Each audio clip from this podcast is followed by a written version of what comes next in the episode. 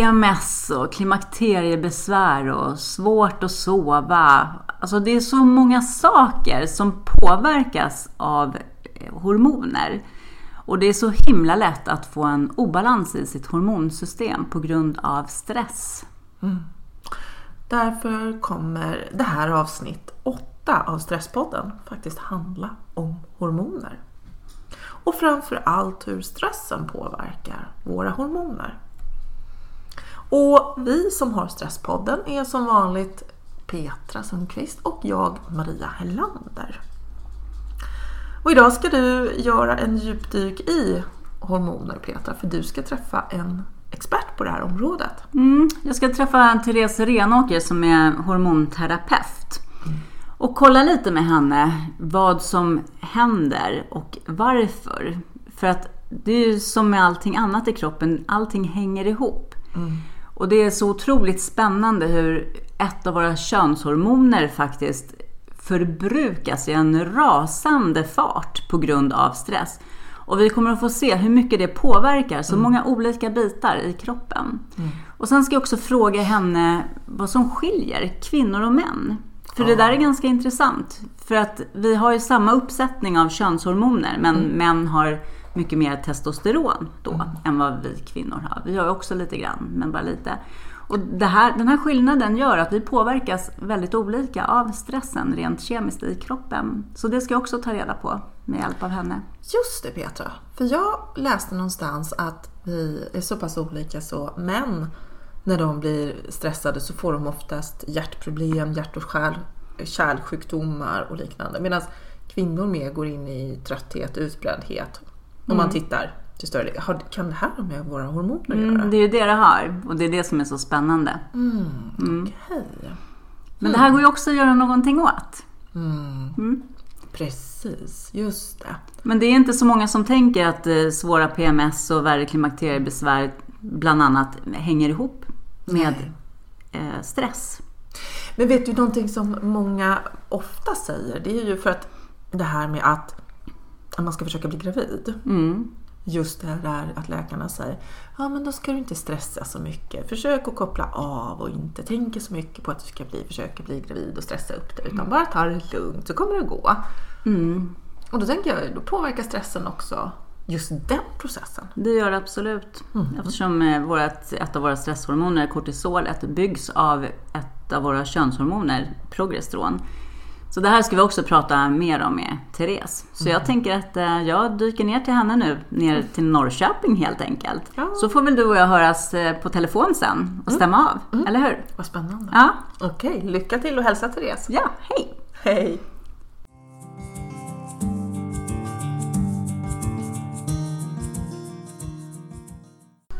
Så, men vi börjar köra där tror jag. Hej Therese Renåker! Nu sitter vi här på ett hotell i Norrköping och ska prata om hormoner. Och du är bland annat hormonterapeut. Ja. Även om du har ett helhetsgrepp kring hälsa eftersom du anser att allt hänger ihop, eller hur? Absolut, det är det som gör det både intressant och komplicerat på samma gång. Ja. Men idag ska vi koncentrera oss lite på kring hormoner och vad, eh, hur stress, långvarig stress framförallt påverkar vårt hormonsystem och då tänker jag mest på våra könshormoner.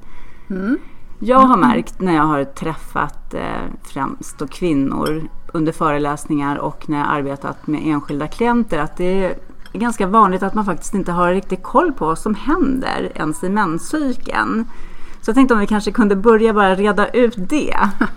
Ja, det, alltså, det är egentligen helt fantastiskt att vi kvinnor, och män för den delen, eh, 2017 inte vet vad som egentligen händer i en kvinnokropp under stora delar av livet faktiskt. Ehm, men i grund och botten, vi har ju en menscykel som skiljer kvinnor från män. En mans hormonsystem är, alltså, har ju i princip samma hormoner som en kvinna, men de fluktuerar inte alls på samma sätt som en kvinnas gör. Så om man tittar på de två stora hormonerna som ställer till det lite grann i kvinnokroppen så är det framförallt östrogen och progesteron. Det är de två stora. Men vi pratar ju oftast bara om den ena halvan. Vi pratar om östrogenet. Och man kan säga att östrogenet är det som den första halvan av en menscykel eh, är dominerande. Det är det som slår på först kan man säga. Och det bygger då upp slemhinnan i livmodern och sådär. För den blir tio gånger tjockare. För att vi kvinnor då ska få en, en slemhinna som är tjockare och som också innehåller mer näring, mer blod och så vidare. För att ett ägg sen om det blir befruktat ska kunna fastna i den här livmoderslemhinnan och få sin näring därifrån. Men sen kommer ju då den andra halvan. Alltså östrogenet gör ju massa annat i våra kroppar också. Det står bland annat då för celldelning. Det är celldelningen som gör att livmoderslemhinnan blir tjockare. Men den har ju, östrogenet har ju den här celldelande effekten också i andra delar av våran kropp. Till exempel i våran bröstvävnad. Okej. Och då förstår man att celldelning, det är ju bra på ett sätt, det behöver vi. Det handlar ju också om cellförnyelse och sådana saker. Men vi vill kanske inte ha någon okontrollerad celldelning. Det är ju inte så bra. Då får man helt andra associationer, i alla fall jag. Ja. Ehm, Så det som sen då ska dominera den andra halvan av menscykeln, det är progesteronet. Och progesteronet i kvinnokroppen kommer till den allra, allra, allra största delen ifrån ägglossningen. Okej. Och den ägglossning har vi då mitt i cykeln, alltså runt dag 14 ungefär. Sådär. Och då ska vi ha ägglossning och då ska progesteronet slå på fullt ut för att skapa balans gentemot östrogenet. Och då blir den här livmoderslemhinnan som har byggts upp, den slutar att byggas upp. Den liksom, hela den här celldelningen avstannar. Och så blir slemhinnan lite kladdigare och allting sånt där för att det ska kunna fastna. Ehm, så kontentan är att vi måste ha ägglossningen. Och så fort vi inte har ägglossning så skapar vi en obalans, eller vi får en obalans. Det vill säga vi blir det, jag då kallar för östrogendominanta. Okej. Och östrogendominansen i sig ställer till det fantastiskt mycket i våra kroppar. Det är det som orsakar bland annat våra svåra PMS och klimakteriebesvär och alla ingångarna i puberteten som kan stöka och sådär. Så där sitter väldigt mycket av den. Sen kan man då diskutera vad är det som orsakar att vi inte har ägglossning. För det är nästa halva. Ja. Men nu blir jag lite förbryllad för när man pratar med någon som eh, har kommit in i förklimakteriet eller klimakteriet då får ju de eh, östrogen. Ja, det är det allmänt vedertagna Ja. att, man, att man får det. Men oftast är det ju inte det som är problemet. Nej. Utan det som, det som börjar vika kan man säga i kvinnokroppen och som ofta gör det redan från 35 års ålder. Det är just ägglossningen. Och det är inte östrogenet vi förlorar när, vi, när ägglossningen uteblir utan det är ju progesteronet. Sen behövs progesteronet även för att östrogenet ska fungera fullt ut. De är liksom beroende av varandra de där två. Okej. Så att i min värld så är det så att i förklimakteriet är det oerhört sällan någon människa behöver östrogentillskott. Men däremot så är det väldigt vanligt att vi behöver alltså mer progesteron. Okej. Men vad händer då? För vad jag har lärt mig i alla fall i min utbildning som stresscoach så är ju progesteronet den viktiga byggstenen till stresshormonet kortisol. Absolut.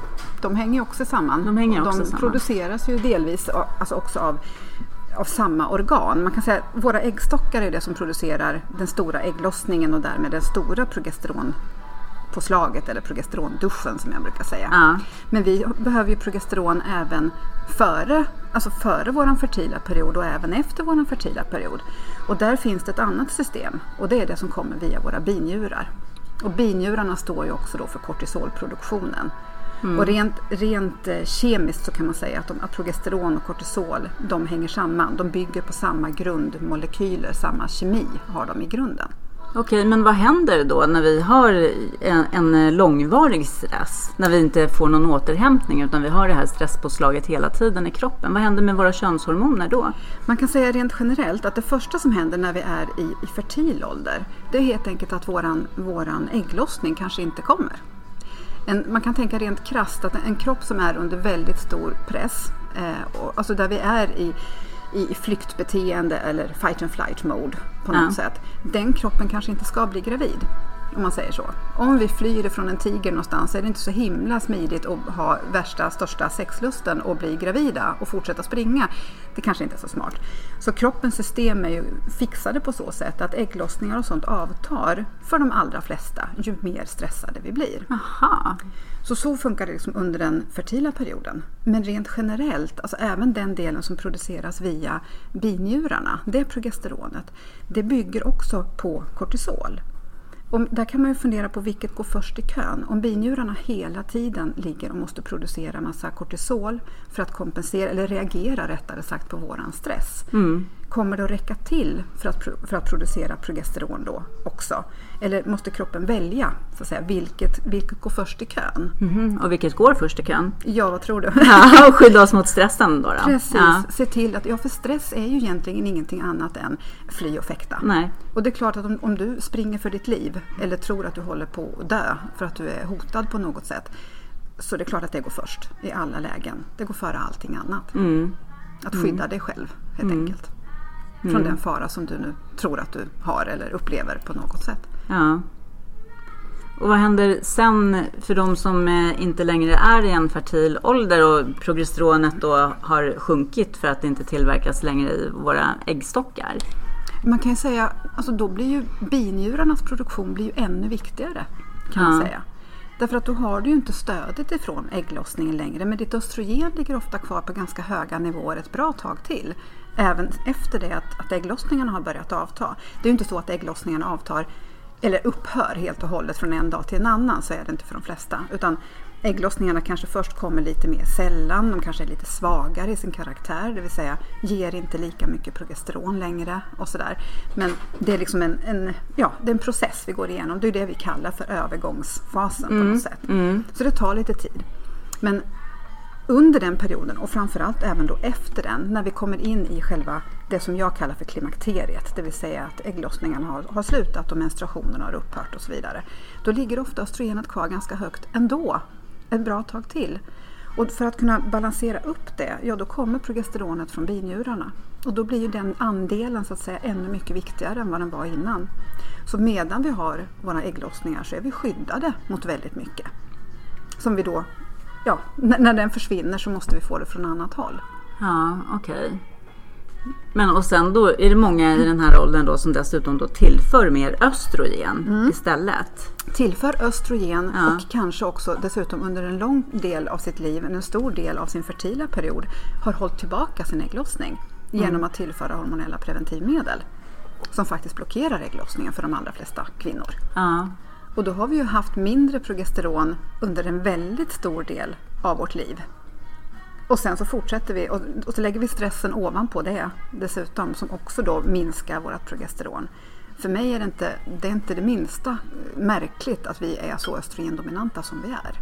och vad innebär det egentligen rent? Hur mår vi när vi är östrogendominanta? Vad är det som händer i kroppen? Man kan säga att östrogenets stora, stora fördelar om vi kopplar det till vårt välmående Ja. rent generellt. eh, Då måste vi koppla ihop det med våra signalsubstanser och vårat, vårat serotonin framför allt. Ja.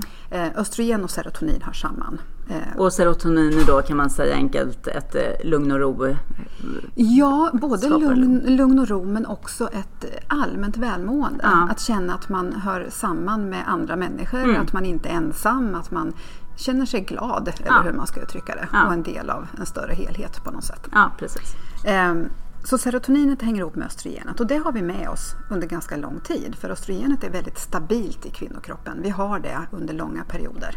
Mm. Ehm, Men den andra halvan, alltså progesterondelen, den är i så fall mer kopplad som jag ser det till just lugn och ro och dämpande. Alltså progesteronet står för, för eh, själva bromsen i våra system. Och det är också då skyddet mot stressen kan man säga. Skyddet mot gasen som vi hela tiden befinner oss i när vi stressar. Där finns progesteronet med som en, som en broms, som ett lugnande hormon via lite andra signalsubstanser. Framförallt det som heter GABA. Ja. GABA-bromsen brukar man prata om. Ja. Och det är just det här att, att eh, om man säger så om du har för lite GABA, då har du en tendens till att istället få eh, orostankar, sådana som du inte får stopp på.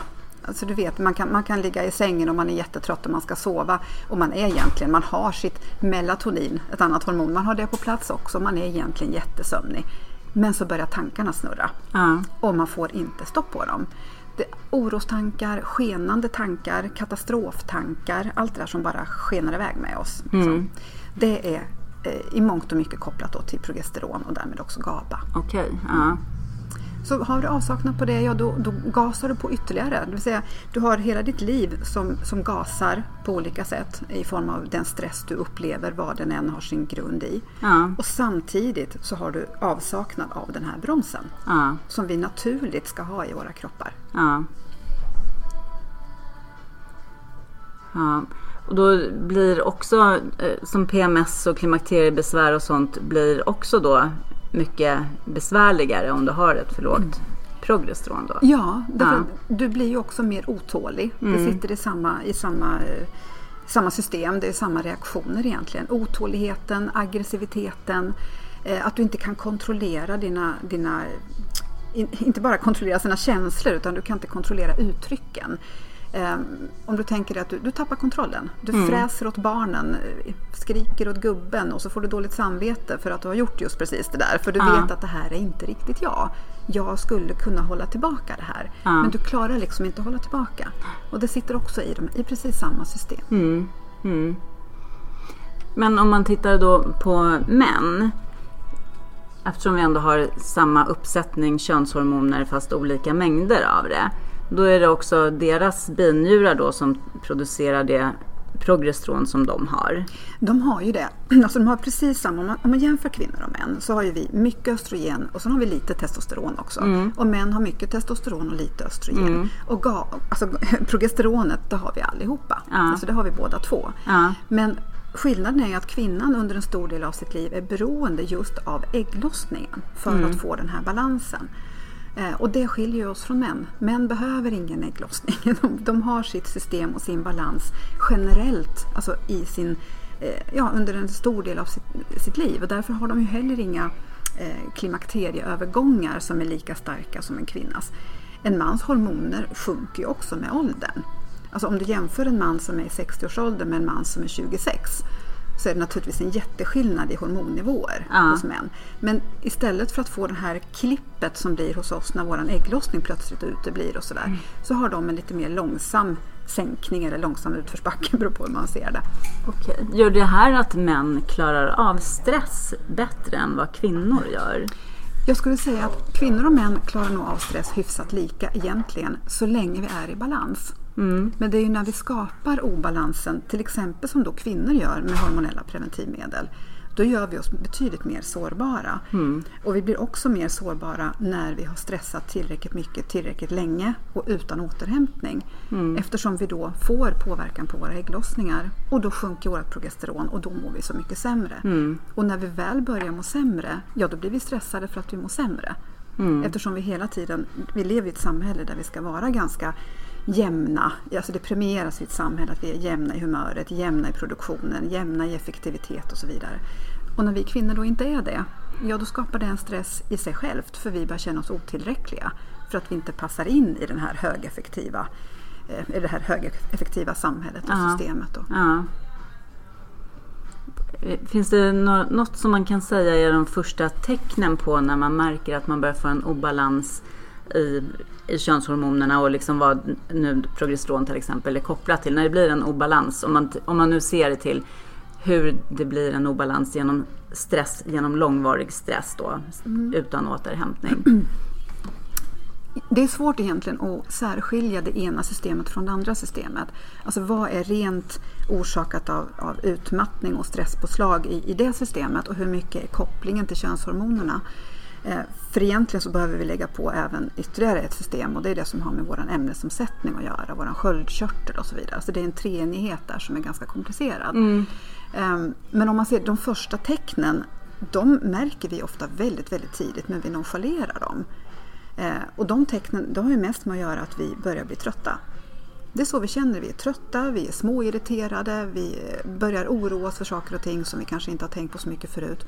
Förutom de här rent fysiska sakerna som att vi kanske får eh, större blödningar till exempel, oregelbundna menstruationer, sånt där, som vi också kan bortförklara med gud vet vad. Ja, ja. Men om vi då har hormonella preventivmedel, ja då märker vi ju inte de delarna speciellt mycket kanske. För då, det maskerar ju såna, den typen av obalanser. Ah, ja. Eh, men om det här fortgår under lång tid, ja då kommer ofta, alltså det vanligaste ja, det är ju nedstämdhet. Alltså att vi börjar känna att det inte är roligt längre. Det här är inte kul. Jag vill inte ha det så här. Då börjar vi få påslag både på våra orossystem men också på, våran, eh, på våra serotoninsystem. Alltså våran, eh, ja, det är inte roligt att leva. Alltså, Nej, och det är då okej. vi börjar prata utmattningssyndrom och Ja. utmattningsdepressioner och Ja. allting sånt här. Ja. Men som i min värld, utmattningsdepression, ja, det handlar inte primärt om, om, om en, en, vanlig klinisk depression. Utan det handlar om att vi är helt enkelt för trötta. Mm. Vi är utslitna i våra system och ja. behöver återhämtning. Ja. Och det botar man ju väldigt sällan med antidepressiva läkemedel. Så. Ja, precis. Men vi har ett påslag på systemen och vi känner av de här symptomen under långa perioder. Men vi nonchalerar dem, hittar på andra skäl, eh, andra ursäkter, andra förklaringar. Mm. Och sen vet vi inte hur vi ska ta oss ur det. Nej. För vi upplever också då ofta när, när det börjar gå på tomgång i huvudet, helt enkelt, det går runt, eh, så får vi inte tag i våra tankar. Vi kan inte tänka klart längre heller. Eh, och då är det ännu svårare att bryta mönstret när vi upplever att vi springer i ekorrhjulet och sitter fast hela tiden. Och med ett påslag på könshormonerna eh, för en kvinna framförallt, eller alltså att vi har en påverkan där, så blir vi mindre skärpta, mindre klartänkta. Ehm, en kvinna kan också förlora en hel del av sitt testosteron och den delen som också försvinner. Vilket gör att vi förlorar vår drivkraft dessutom och vår, vår kraft och förmåga och vilja att faktiskt ta oss ur de här situationerna som vi har fastnat i. Så testosteronet står för en drivkraft menar du? Det kan man säga. Mm. Ja, okay. Det finns en, ganska, alltså en, en, rak koppling mellan testosteron och dopamin. Och dopaminet har ju också med våra belöningssystem att göra och, ja. och drivkraften framåt och ja. sexualitet och allt möjligt sånt. Mm. Mm. Men, och testosteron kan också då minska på grund av, att, av stress och brist på återhämtning? Oh ja. ja okay. en kvin- det, näst, det kan man nästan se hos många kvinnor att det är en av de första sakerna som kanske försvinner. Så är det ju den, alltså lusten och mm. sexualiteten mm. hos en kvinna ja. som har stressat för mycket. Ja. Och så. Då är det ointressant helt plötsligt. Mm. Och det mm. beror också på, sen finns det kopplingar mellan både testosteron och progesteron. Alltså de två gifter sig också väldigt bra med varandra. Ja.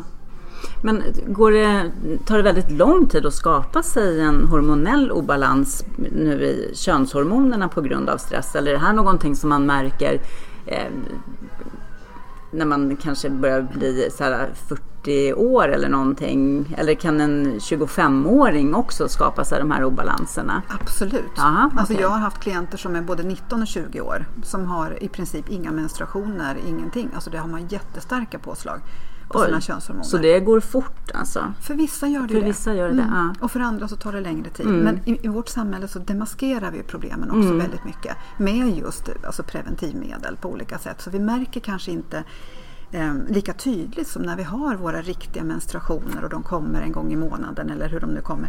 Alltså när vi har de systemen intakta, mm. då märker vi minsta förändring. Ja.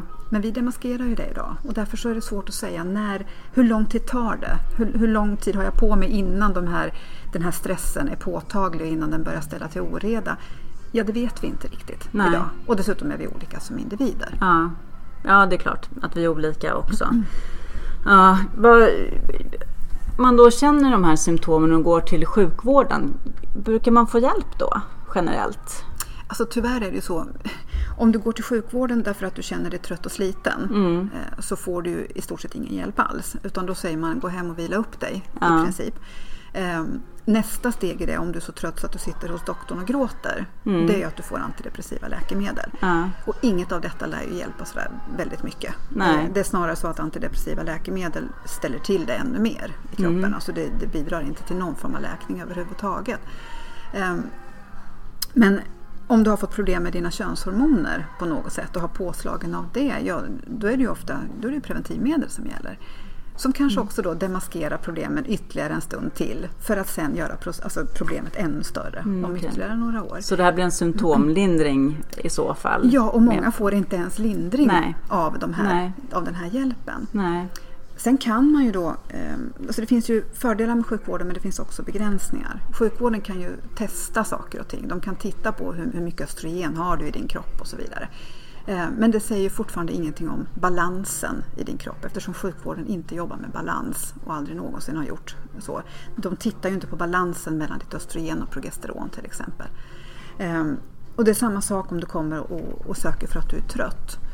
Det finns diagnoser i sjukvården som heter utmattning, alltså utmattade binjurar. Ja. Men har du det enligt den definitionen, då kan du knappt ta dig in. Då kan du inte gå in till, till, till vårdcentralen själv. Nej. Utan du kommer dit i ambulans i så fall.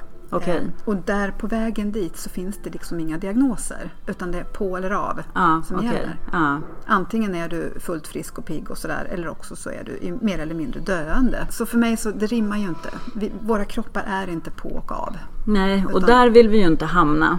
Där, där vi är av. Åker ambulans in på grund av binjureutmattning. Nej, och ändå jag har haft klienter som har alltså inte kunnat ta sig från sängen till toaletten hemma därför att hela världen snurrar.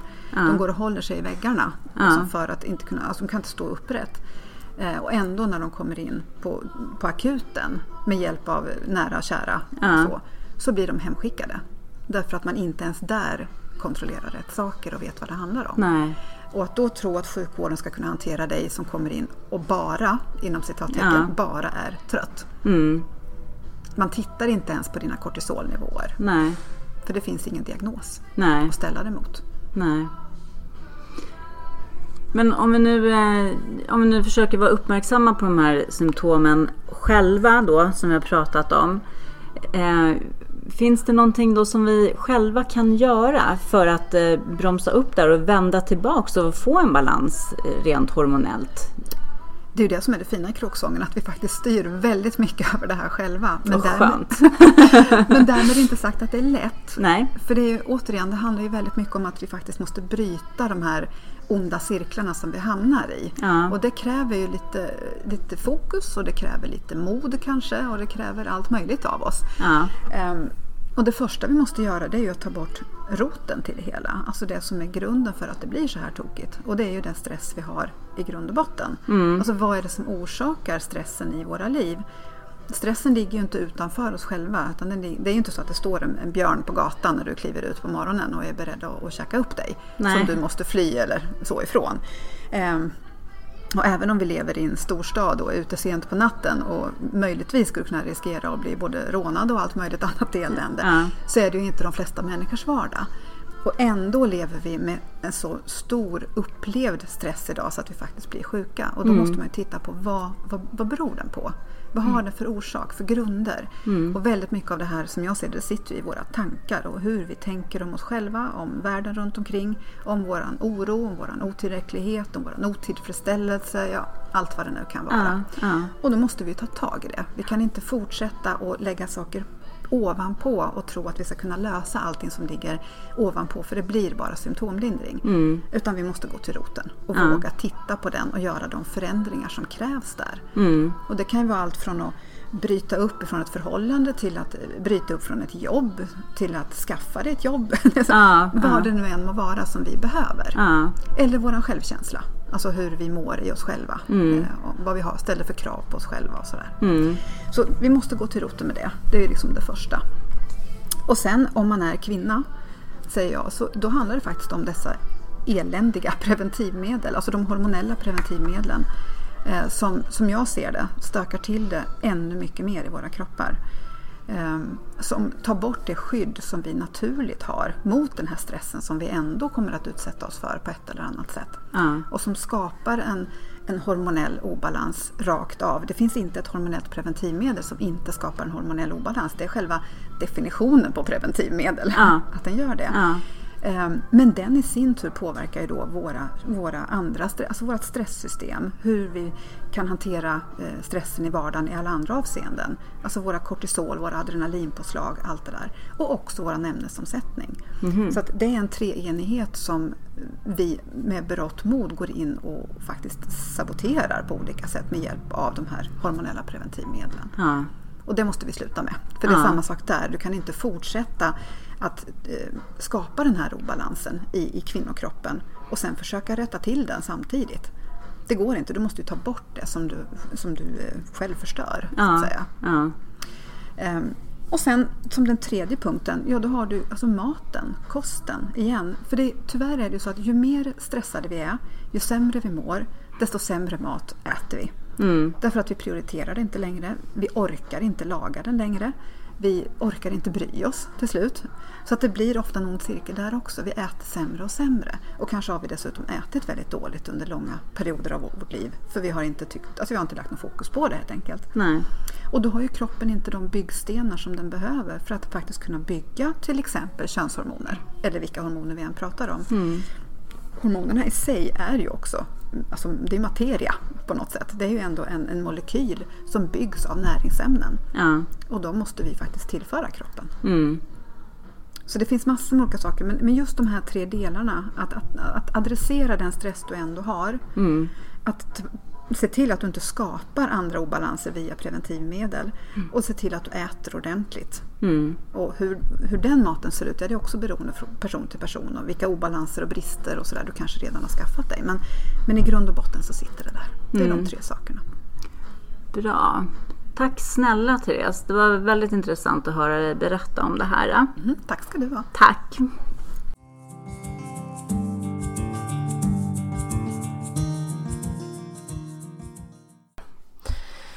Så, men det här var ju jättespännande. Nu, nu Petra, har vi Petra med på telefon. Eller hur? Hallå? Hallå? Ja, jag är. Ja, det var jättespännande att prata med Therese Renåker. Jag hoppas också att eh, fick lite grund med där faktiskt hur eh, hela psyken fungerar för kvinnor så att vi också lättare kan förstå varför vi mår dåligt när det här sätts ur balans.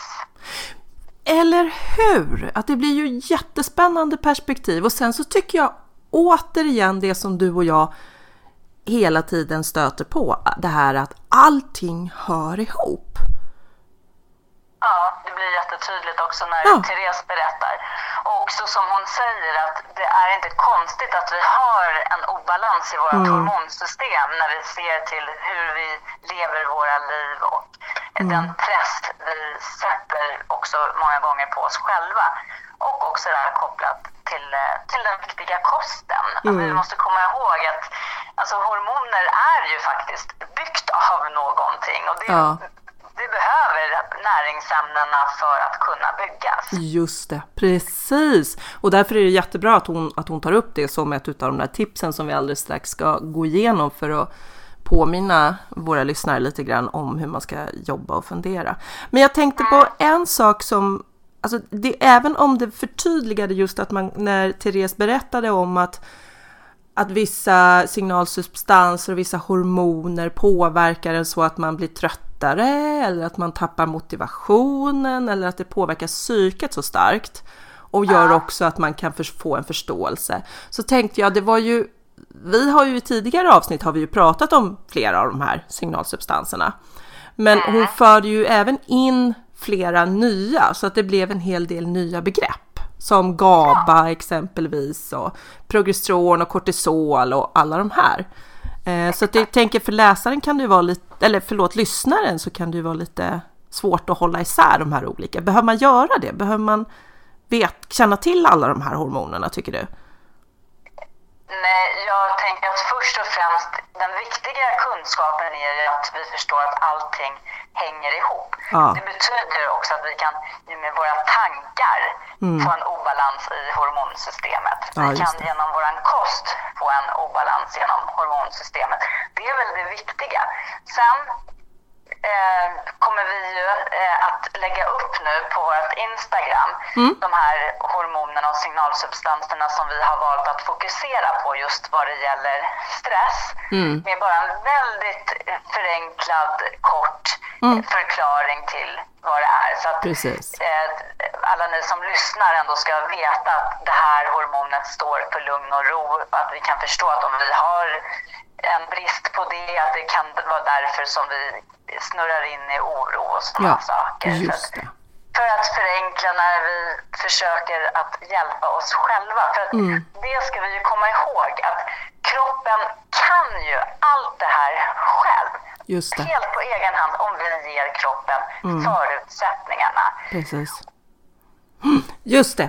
Och det är väl kanske det viktigaste som, som vi vill att, att vi ska, att våra lyssnare ska ha med sig. Du behöver inte plugga in de här olika hormonerna, för det har du ingen nytta av. Men eh, om, du, om, du, om du inte bara är extra intresserad så kan det ju absolut vara spännande om det är något hormon som man vill veta mer om. Och då är det ju bra, då kan du gå in på vår, vårt Instagram, alltså Stresspodden. Googla på, eller gå in och sök via Instagram om du har det. Eh, via, eh, på Stresspodden så kommer du hitta information där. Men just som du säger här Petra, att det, det går. Och det, det lyfter ju Therese fram flera gånger. Det går, kroppen kan jobba med att balansera det här på egen hand. Om vi bara tar hand om den och ger den rätt förutsättningar. Mm. Och en bra början då är ju just de här tre tipsen som Therese avslutade med som vi ju då kanske kan repetera. Precis, just det. Och det första är ju, påminner väldigt mycket om det som Anna Hallén sa också för, för några avsnitt sedan, det här med lediga tankar som hon valde att kalla det för. Men Therese säger att man ska jobba med sin stress. Och, och just faktiskt kanske med, med sin självkänsla eller se vad är det som vad är det i mitt liv som gör att jag är stressad? Therese är ju ganska tydlig med att stress är alltid en inre reaktion på yttre saker. Mm. Den är alltid, stressreaktionen sker inom oss. Mm. Det är därför vi måste lära oss att arbeta med att eh, få trygga tankar, att känna oss trygga. Mm. Och det pratade vi som sagt om i mm. avsnittet innan, så lyssna gärna på det om du inte riktigt hänger med på vad det innebär nu. Mm. Men eh, mm. skapa dig trygghet i dig själv, det första tipset. Precis. Mm. Det andra som Therese tar upp, det är ju just det här med eh, hormonella preventivmedel. Mm. Hur de i sig skapar mm. en obalans och också sänker vårt stressskydd. Mm. Där tycker jag verkligen, utan att vi ska fördjupa oss i det, mm. att för de som använder det eller funderar mm. på att använda det, att ta det här med er och mm. fundera på vad det faktiskt gör med kroppen. Precis. Mm. Och att idag även att det finns andra alternativ. Men, men eh, kolla upp det och som du säger, ha med dig medvetenhet kring det när du mm. funderar kring att skaffa eller om du har redan idag. Ja, om man kanske använder sig av det idag och mm. mår dåligt, då kanske man ska mm. göra ett uppehåll för att se vad som händer med, ja. med den uh, psykiska hälsan. Precis. Och balansen i kroppen i övrigt. Just det, jättebra. Mm. Mm. Och sen då, som sagt, det, det, det tredje tipset också som det här som vi var inne på förut, att ge kroppen riktig mat. Eh, att, att, att, det är byggstenarna som, som bygger upp våra hormoner och signalsubstanser. Det är vi, mm. det vi stoppar i oss, det vi äter. Mm. Och med det menar jag också, Therese, att eh, undvika eh, hel och halvfabrikat och skräpmat, mm. utan ha fokus på rena råvaror och mycket mm. grönsaker. Det är, ju, det är ju grunden i det och, och mm. naturligt, att få i sig naturliga fetter. Just det, precis. Mm. Jätte jätteintressant. Så att vi hoppas nu att eh, du som lyssnare har fått med dig en hel del ny kunskap och förståelse och kanske framförallt en, en insikt i att ja, men det är inte så konstigt att du mår som du gör eller att, att du mår som du gör kanske beror på just en obalans och att det kan vara värt att se över hur ja, primitivmedel eller dina stressiga inre tankar eller just det du äter. Mm. Börja någonstans i ja, alla fall. Precis. Även om man inte kan börja med allt så kan man börja med någonting för att ja. ändå komma på rätt väg. Alla får börja med det som de känner att de har förutsättningar med just Precis. nu i sin vardag helt enkelt. Precis. Så att det inte känns som en press utan ja. som ett val till mm. någonting bättre. Jätteviktigt. Nu kommer jag lägga på Maria. Ja, jättebra. Tack så mycket för att du var med oss här via telefon, eh, Petra. Eh, så, så ni till er eh, lyssnare att vi hörs igen nästa vecka, eller hur? Mm. Mm. Och mejla oss på uh, info.stresspodden.nu mm. ifall du har frågor kring det vi har pratat om eller andra frågor eller tips på ämnen du vill att vi ska ta upp. Mm. Och gå in på Instagram och har du inte Instagram så har du en god anledning till att skaffa det nu. ja, precis. hej då för mig. Hej då Petra! Och hej då alla våra lyssnare.